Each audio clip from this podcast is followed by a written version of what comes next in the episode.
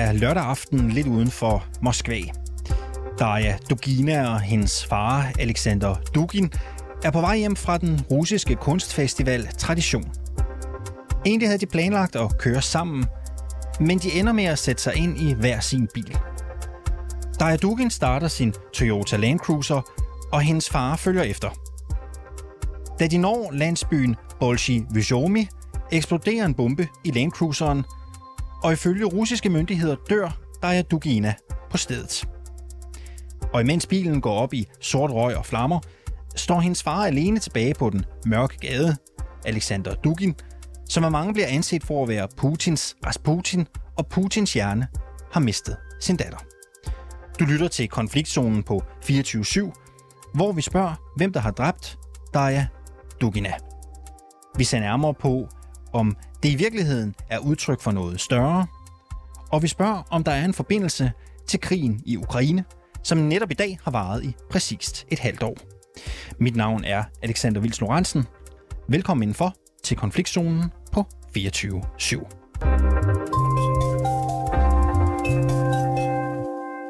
Flemming Spidsbol, velkommen til programmet. Ja, tak skal du have. Du er seniorforsker ved Dansk Institut for Internationale Studier, og så er du ekspert i russiske forhold. Den 29-årige Daria Dugina er journalist. Men måske mest af alt, øh, så er hun kendt som sin fars datter. Men hvem var hun egentlig?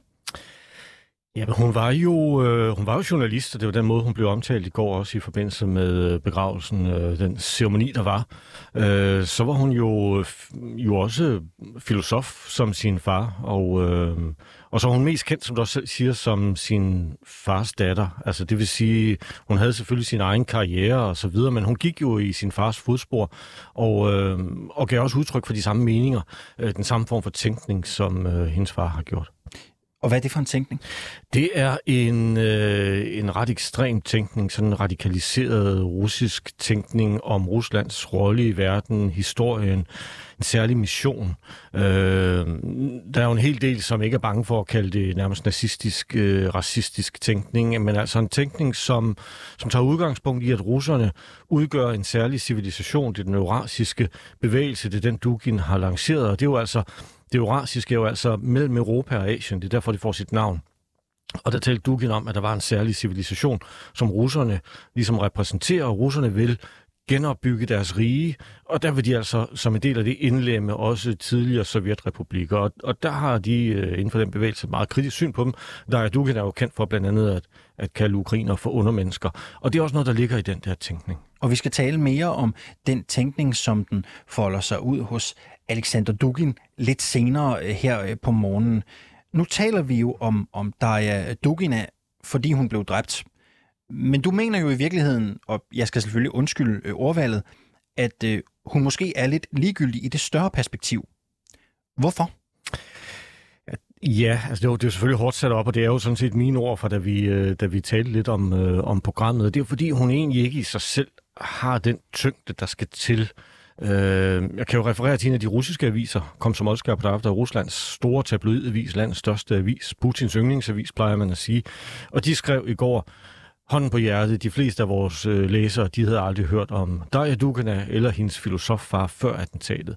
Og så det er jo kommet ind, fordi de lige pludselig har fået, fordi det selvfølgelig er en meget, meget voldsom begivenhed, som russerne er vågnet op til, men jo også fordi det har nogle klare politiske aspekter, og det er derfor, det også fylder så meget.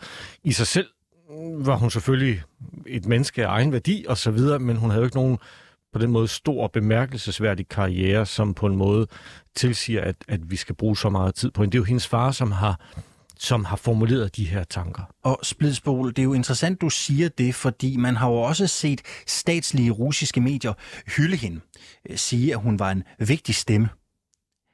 Er det rigtigt, eller er det øh, propaganda?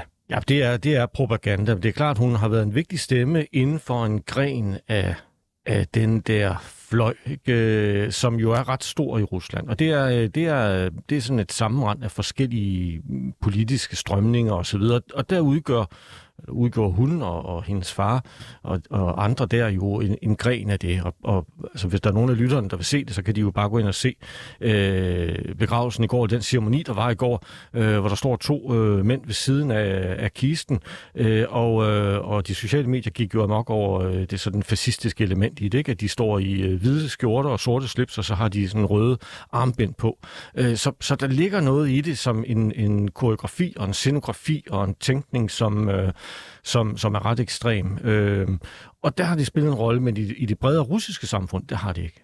Jeg nævner i programmets intro i dag, at hun skulle have kørt hjem med sin far, øh, Alexander Dugin. Det gør de ikke, og det ender med, at, at Daria Dugina øh, bliver dræbt. Øh, der springer en bombe i hendes bil. Var det meningen, hun skulle dø? Det må jeg indrømme at sige. Jeg synes, det er svært lige at komme ned i de detaljer. Også når jeg læser de russiske medier, så er det jo lidt, øh, lidt uklart, hvad der egentlig er sket. Også fordi de russiske øh, myndigheder jo meget hurtigt var ligesom besluttede, havde besluttet, hvad det var, der var sket. Ikke? Og det var, at det var ukrainer, der stod bag, og det var på en måde, der er Duginas, som skulle likvideres. Men om der har været andre omstændigheder, det, det må jeg indrømme, det, det synes jeg er svært at, øh, at nå frem til. Det ville på en måde give mere mening, hvis det var Dugin, som var målet for det, fordi han netop er den helt store eksponent for, øh, for den her bevægelse, som jo blandt andet, øh, og det er jo der, det trækker tråde til krigen i Ukraine, ser Ukraine som en en, nærmest en del af, af Rusland, men ikke bare en del af Rusland, en, øh, en underordnet del af Rusland. Ja, og du er ikke den eneste, der siger, at øh, målet jo nok i højere grad var Dugin. Hvorfor skulle han dø?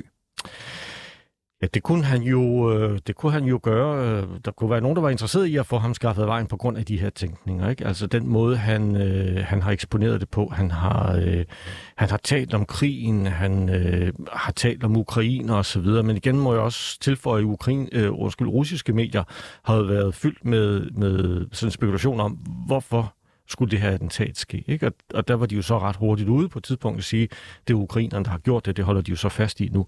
Men der var også andre spekulationer så ind i de første timer, øh, og måske hen ad søndagen, om hvad det var, der, kunne, øh, der måske var sket. Men, men Dugin øh, har været en meget prominent stemme. Han har rejst rundt i verden og øh, berettet om det her, og fortalt om Rusland som en, som en særlig civilisation og om Ruslands historiske rolle. Og der ligger i den fortolkning, at nogle af de lande, som ligger i området omkring Rusland, de skal simpelthen indordne sig og de vil blive opslugt af Rusland, fordi Rusland har en historisk mission og har ret til at tage de områder. Og lad os prøve at se lidt nærmere på Alexander Dugin, øh, filosof, forfatter. Øh, den amerikanske tv-station CNN øh, kalder ham en slags spirituel, en åndelig guide for Putin. Og de går også så vidt som til at kalde ham den overordnede arkitekt bag Ruslands invasion af Ukraine. Er det rigtigt? Nej, det, det, det vil jeg nok sige, det er ikke rigtigt. Og, og det er fordi faktorernes orden er, er blandet lidt her. Det, der egentlig sker snarere, det er, at Putin har nogle politiske mål. Putin har nogle politiske mål, han har nogle politiske behov. Øh, det kan være, at han har et behov for at legitimere det autoritære styre, som han har fået skabt bund og grund, så vil han have et autoritært styre, hvor han kan kontrollere rigtig meget, hvor de kan få adgang til ressourcer og så videre, de kan berige sig selv. Og så har han brug for en ideologisk ramme, som han kan lægge rundt om. Og der er nogen, der har hjulpet ham med det. Tidligere øh, rådgiver, han var rådgiver, øh, Vladislav Surkov, som tilbage i nullerne formulerede nogle meget, meget interessante tanker om, hvorfor Rusland var nødt til at have en stærk centraliseret magt, og det var historisk betinget, osv. osv. Alt sammen for at understrege, at Putin selvfølgelig var den rigtige mand på det rigtige tidspunkt, og det her styre, det var lige, hvad russerne havde brug for. Og det er lidt det samme med Dugin og andre. Så Putin har haft nogle politiske mål, som er at, at reintegrere dele af det tidligere Sovjetunionen, måske endda tage det med magt. Og så er der nogen, der måske har peget på Dugin og sagt, prøv at du kan måske tage et par linjer fra noget af det, han har skrevet, fordi det kan være med til at, øh, at forklare, hvad det er, der sker. Så har Dugin måske i virkeligheden leveret en lidt løsere ramme for de missioner, som Putin har iværksat? Ja, det kan vi måske sige. Han har leveret en, en form for en ramme, en, en form for tænkning, som Putin kan plukke lidt fra øh, og som er med til at legitimere og forklare, hvad det er, der sker. Det vil være så nu, nævnte jeg den her russiske avis, som siger med hånd på hjertet, vores læser har ikke hørt om hverken Daria eller, eller Alexander øh, før det her øh, attentat. Øh, men de vil jo ikke genkende de her læsere til idéerne om det, som at Rusland har en særlig rolle, en særlig mission, en særlig status osv. Og lad os blive ved idéerne, Splidspol, øh, for jeg har taget et øh, lydklip med, som jeg synes, vi skal lytte til. I 2017, der laver øh, CBS News, amerikanske CBS News, et interview med Alexander Dugin til programmet øh, 60 Minutes. Lad os lige prøve at høre, hvad han siger i øh, klippet øh, her. It's our dream not to rule the world, but to be recognized as one center of decisions with others. So our dream is not unipolarity, Russian unipolarity. It is the dream of um, decent multipolarity, to be one pole among the other, not to be the unique pole. That is very important. And I consider a return to the greatness or uh, return to the status of superpower not as um, being the first uh, first power in the world, but one of, of the most important decision makers. Lad os prøve at dykke ned i det, han siger konkret i det her interview, og med afsæt i det, vi hører splidspol. Hvad er det for et syn, Dugin har på Rusland, og ikke mindst Ruslands plads i verden? Det, han giver udtryk for her, det er, det er jo noget, som, som figurerer meget prominent i russisk tænkning. Det gør det jo mange steder. Det er jo spørgsmålet om, hvilken verdensorden skal vi have? Øh, og det går helt tilbage til opheddet af den kolde krig. Hvad var det for en orden, vi, vi fik efter opheddet af den kolde, efter den kolde krig? Var det unipolært, eller var det multipolært, eller var det noget indimellem, det man nogle gange kalder unimultipolært? Øh, og det Dugin egentlig siger, det er, at Rusland vil gerne være en stor magt. Så Rusland vil være en af de magter, som har en sådan tyngde, at når vi kigger rundt i verden, så vil vi sige, prøv at se, dem er der fem af, for eksempel. Det er dem, der ligesom bestemmer det store. Men det, der ligger i hans, og det er jo ikke det, det hører vi ikke rigtig i indslaget, men det, der ligger i hans hans, øh, ligger i hans idé om, om stormagt, det er, at den er bygget på en særlig civilisation. Det vil sige, han er jo også, Dugin er først og fremmest en, en slags øh, øh, ortodox kristen tænker, så det, det er nogle af de elementer, der kommer ind, og som skal være med til at øh, inspirere og, og, og informere staten og give staten en rolle også. Hvor fremherskende er de tanker, det syn på Ruslands rolle i verden, som Dugin har i det russiske samfund? Hvor bred opbakning er der til det? Der er ikke så bred opbakning. Der er bred opbakning til, til, element, til, til en række af elementerne. Altså det indslag, vi lige hørte her, hvis det blev afspillet på russisk tv, så vil de fleste seere jo sidde og sige, det lyder rigtig fornuftigt. Vi vil gerne være med til at træffe beslutninger. Vi behøver ikke at være nummer et, men vi skal være med til at træffe beslutninger. Langt de fleste russere har i mange år abonneret på sådan en idé, og det har man også fra politisk hold.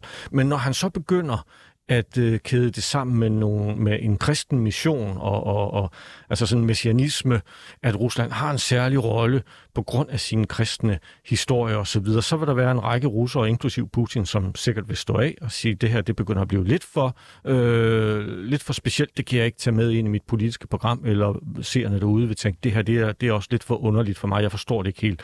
Altså man kan også bare se det, han, han talte om på den her øh, festival i lørdags, ikke? Han, han talte om det sakrale kosmos, og han talte om, øh, om sådan indbygget øh, dualisme i historie og tradition osv. De fleste russere vil jo, vi jo ryste lidt på hovedet og tænkte, hvad delen af det, han taler om. Det er klart, at når øh, det her attentat finder sted nu i Rusland, tæt på Moskva, så er der selvfølgelig også mange, der tænker, om det på en eller anden måde har en kobling til krigen mellem Ukraine og Rusland. Det er jo det store overordnede spørgsmål. Hvad tænker du? Ja, det har en forbindelse, og hvis ikke det havde det, da det skete, så har det jo fået det nu. Øh, det er jo løftet op og blevet et element i krigen, og jeg vil formode, ja, de har en forbindelse. Øh, nogle af de russiske aviser var en lille smule forsigtige lørdag aften og søndag morgen.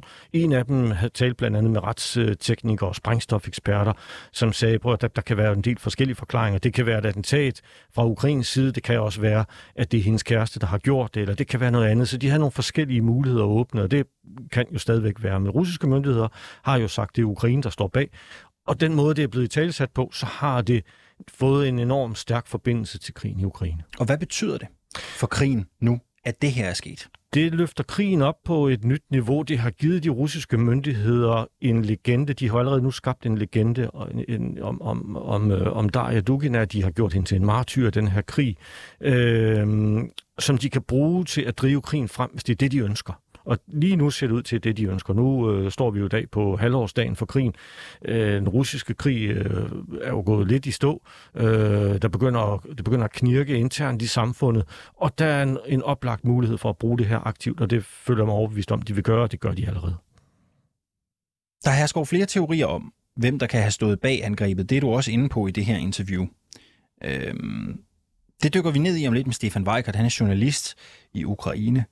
Øhm, Hvem tror du kunne have interesse i at komme øh, Dugin til livs? Der kan givetvis være mange. Der er ingen tvivl om, at der er mange i Ukraine, som gerne vil af med hende og med hendes far. Det kunne også være Sikkerhedstjenesten, altså øh, særlige agenter, der er sendt ud for at gennemføre det her. Øh, I Rusland er der stærke rygter, det er der altid, når der sker den her slags, at det er efterretningstjenesten og sikkerhedstjenesten FSB, der står bag, øh, for at komme af med Dugin øh, eller med hans datter, og det kunne være for at skabe den her legende, som jeg taler om. Der er også nogen, der spekulerer i, at øh, altså Dugin, som, som skal være opmærksom på, at der jo er en form for modstand i, der var modstand mod krigen i Rusland, men en del af modstanden, den kommer fra folk som Dugin og andre ude på den ene fløj, som egentlig ikke som sådan er imod krigen, men de vil have mere krig, de vil have voldsommere krig, de vil have hårdere krig. Og de kritiserer ikke Putin for at være blød, men de kritiserer, at Rusland ikke har opnået mere, end, end Rusland har på de her første seks måneder. Og de øh, stemmer er nogle gange lidt en, øh, en, øh, et problem for Putin. Øh, så der er også spekulation om, at der er simpelthen nogen, der vil af med ham på grund af det. Tak fordi du var med øh, her øh, til morgen. Flemming Splidsbol, seniorforsker ved Dansk Institut for Internationale Studier og med speciale i russiske forhold.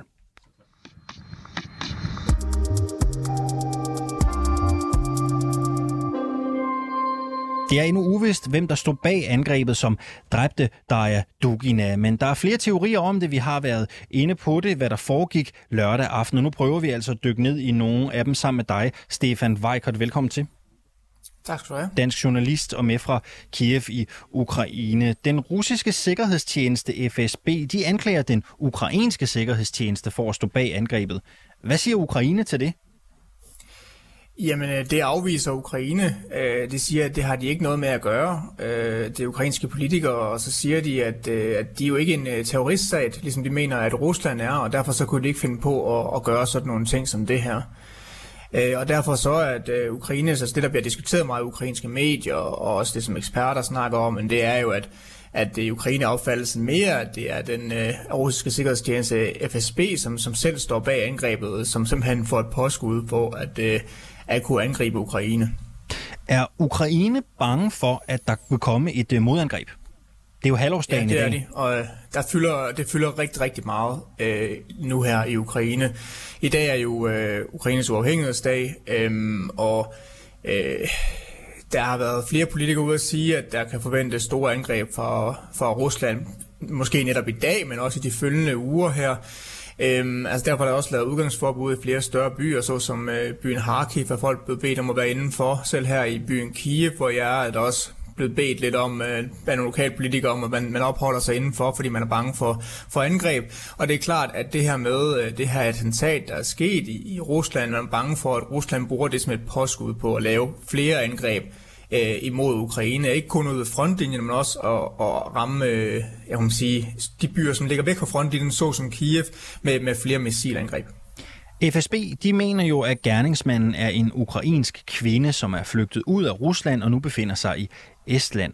Kvinden hedder Natalia Shaban, og FSB mener, hun er flygtet med sin datter. Hvorfor tror de, det er hende? Jamen FSB siger, at de har beviser for, at den her ukrainske kvinde ankom til Rusland i juli med sin teenage-datter, og at øh, hun har skygget Daria øh, Dugina og Alexander også. Øh, de skulle have lejet en, øh, hun skulle have lejet en lejlighed inde i, øh, i den samme bygning, hvor de bor og har været deltaget til de samme øh, events. Øh, og så derfor mener de så, at hun så har placeret den her bilbombe, og så har hun så stukket af. Øh, og det er ligesom den forklaring, FSB er kommet med, øh, men den er jo så selvfølgelig en del andre, der, der, der sætter spørgsmålstegn ved, om det er rigtigt. Og hvorfor er det, der bliver sat spørgsmålstegn ved det? Jamen det er flere ting, altså som også lige blev sagt tidligere i programmet, ikke, så er det det her med, at der er en stor skeptisk over for, for de ting, øh, som Rusland melder ud, og Sikkerhedstjenesten FSB melder ud. Så det er sådan lidt, når de kommer med noget, jamen, så er der i hvert fald en del i Vesten, som er lidt øh, påpasselig med at sætte to streger under det og sige, at det er facit.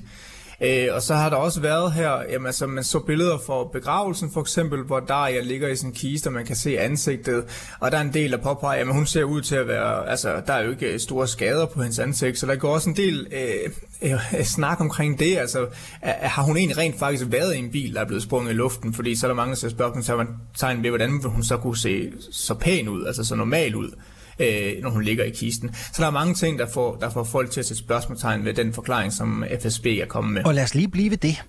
Øh, folk siger, at, at hendes ansigt ser pænt ud i den kiste. Hvad går spekulationerne så ellers på, hvis hun ikke skulle være blevet sprængt i luften i sin bil? Ved vi det? Jamen det er, at det, altså i Ukraine er meget snak om, at det er, at det er så Rusland, der står bag selv. Altså at uh, Rusland er en eller anden grund, måske for at bruge det som et påskud til, at uh, kunne optrappe øh, krigen mod Ukraine, simpelthen har valgt at gøre det, og så bruge det som en påskud. Øh, det er en forklaring. Noget andet er jo også, at det måske rent faktisk er, er modstandsfolk, man kan sige det, i, i Rusland, som har, som har gjort det. Øh, og det simpelthen er intern uro i Rusland, øh, som, som, måske også, øh, som der måske på en eller anden måde bliver dækket over. Der er jo også en anden teori, og det er, at russisk Putin-kritiske oprørsgruppe, en oprørsgruppe ved navnet Den Nationalistiske Republikanske Hær, står bag ved angrebet. Virker det realistisk? Det er meget, meget, meget svært at vurdere. Altså, de har jo selv taget også øh, sagt, at de står bag. Øhm, så, så der kan jo godt, det kan jo så godt være, at det er rigtigt nok, men, men Øh, men det kan vi simpelthen ikke vide på nuværende tidspunkt. Altså vi mangler et eller andet konkret for at sige, at det er rigtigt, og det kommer lidt, i hvert fald ifølge nogle eksperter, jeg snakker mig lidt ud af det blå, hvis det rent faktisk er dem, der, der står bag på nuværende tidspunkt. Men, men selvfølgelig er det noget, der bliver diskuteret en del, fordi hvis det er korrekt, at de står bag, jamen, så betyder det på, at der er øh, uroligheder på interne linjer i Rusland, og der er nogle folk, som er klar til at, at gøre modstand, øh, også, øh, også med brug af, ja, man kan sige, af våben og vold. Ja, og lad os lige prøve at dvæle ved det, Vejkort, fordi hvis det ikke er rigtigt, øh, rygterne om det her angreb, hvad er det så formålet er med at påstå det? Hvad er det, man gerne vil opnå? Jamen det kan være, der er flere grunde til. Der kan selvfølgelig være noget internt øh, politisk i Rusland, at det skal bruges i forhold til at samle befolkningen. Øh, at ligesom at vise, at, øh, at vi skal stå sammen, og, og, og, og krigen kommer før alt andet. Altså, altså vi har jo også set på, på russisk stats-tv her de seneste dage, at der snakker meget om, at, at Rusland er nødt til at stå sammen, at, og folk er nødt til at ofre sig øh, fordi at, øh, at man skal støtte op omkring det her, som Rusland kalder den specielle militære operation i Ukraine, fordi det ikke længere er en, måske en, en operation kun mod Ukraine, men man er, man er i krig med NATO øh, er det, som der kommer fra Rusland af. Så det kan være en måde at prøve at samle, øh, samle russerne omkring hinanden. Og så er der også den anden, som ukrainerne frygter, at det bliver simpelthen en, en måde, et påskud, en, en, ja, kan man sige, en, simpelthen giver en mulighed for Rusland til at sige, at nu kan vi virkelig ramme Ukraine, og nu skal vi terrorisere den ukrainske befolkning, også i hovedstaden og de områder, der ikke er ved fronten. Øh, at det har vi nu et påskud til at gøre. Tak fordi du var med her øh, til morgen, Stefan Weikert, altså dansk journalist med fra Kiev i Ukraine. Du har lyttet til dagens afsnit af Konfliktzonen 24-7's nye udlandsmagasin, der altså sender hver dag mandag til torsdag mellem 8 og halv 9. Redaktør i dag var Sofie Ørts, og jeg hedder Alexander Vils Lorentzen. Jeg er tilbage igen i morgen, samme tid, samme sted, med mere fra en anden konfliktzone i verden.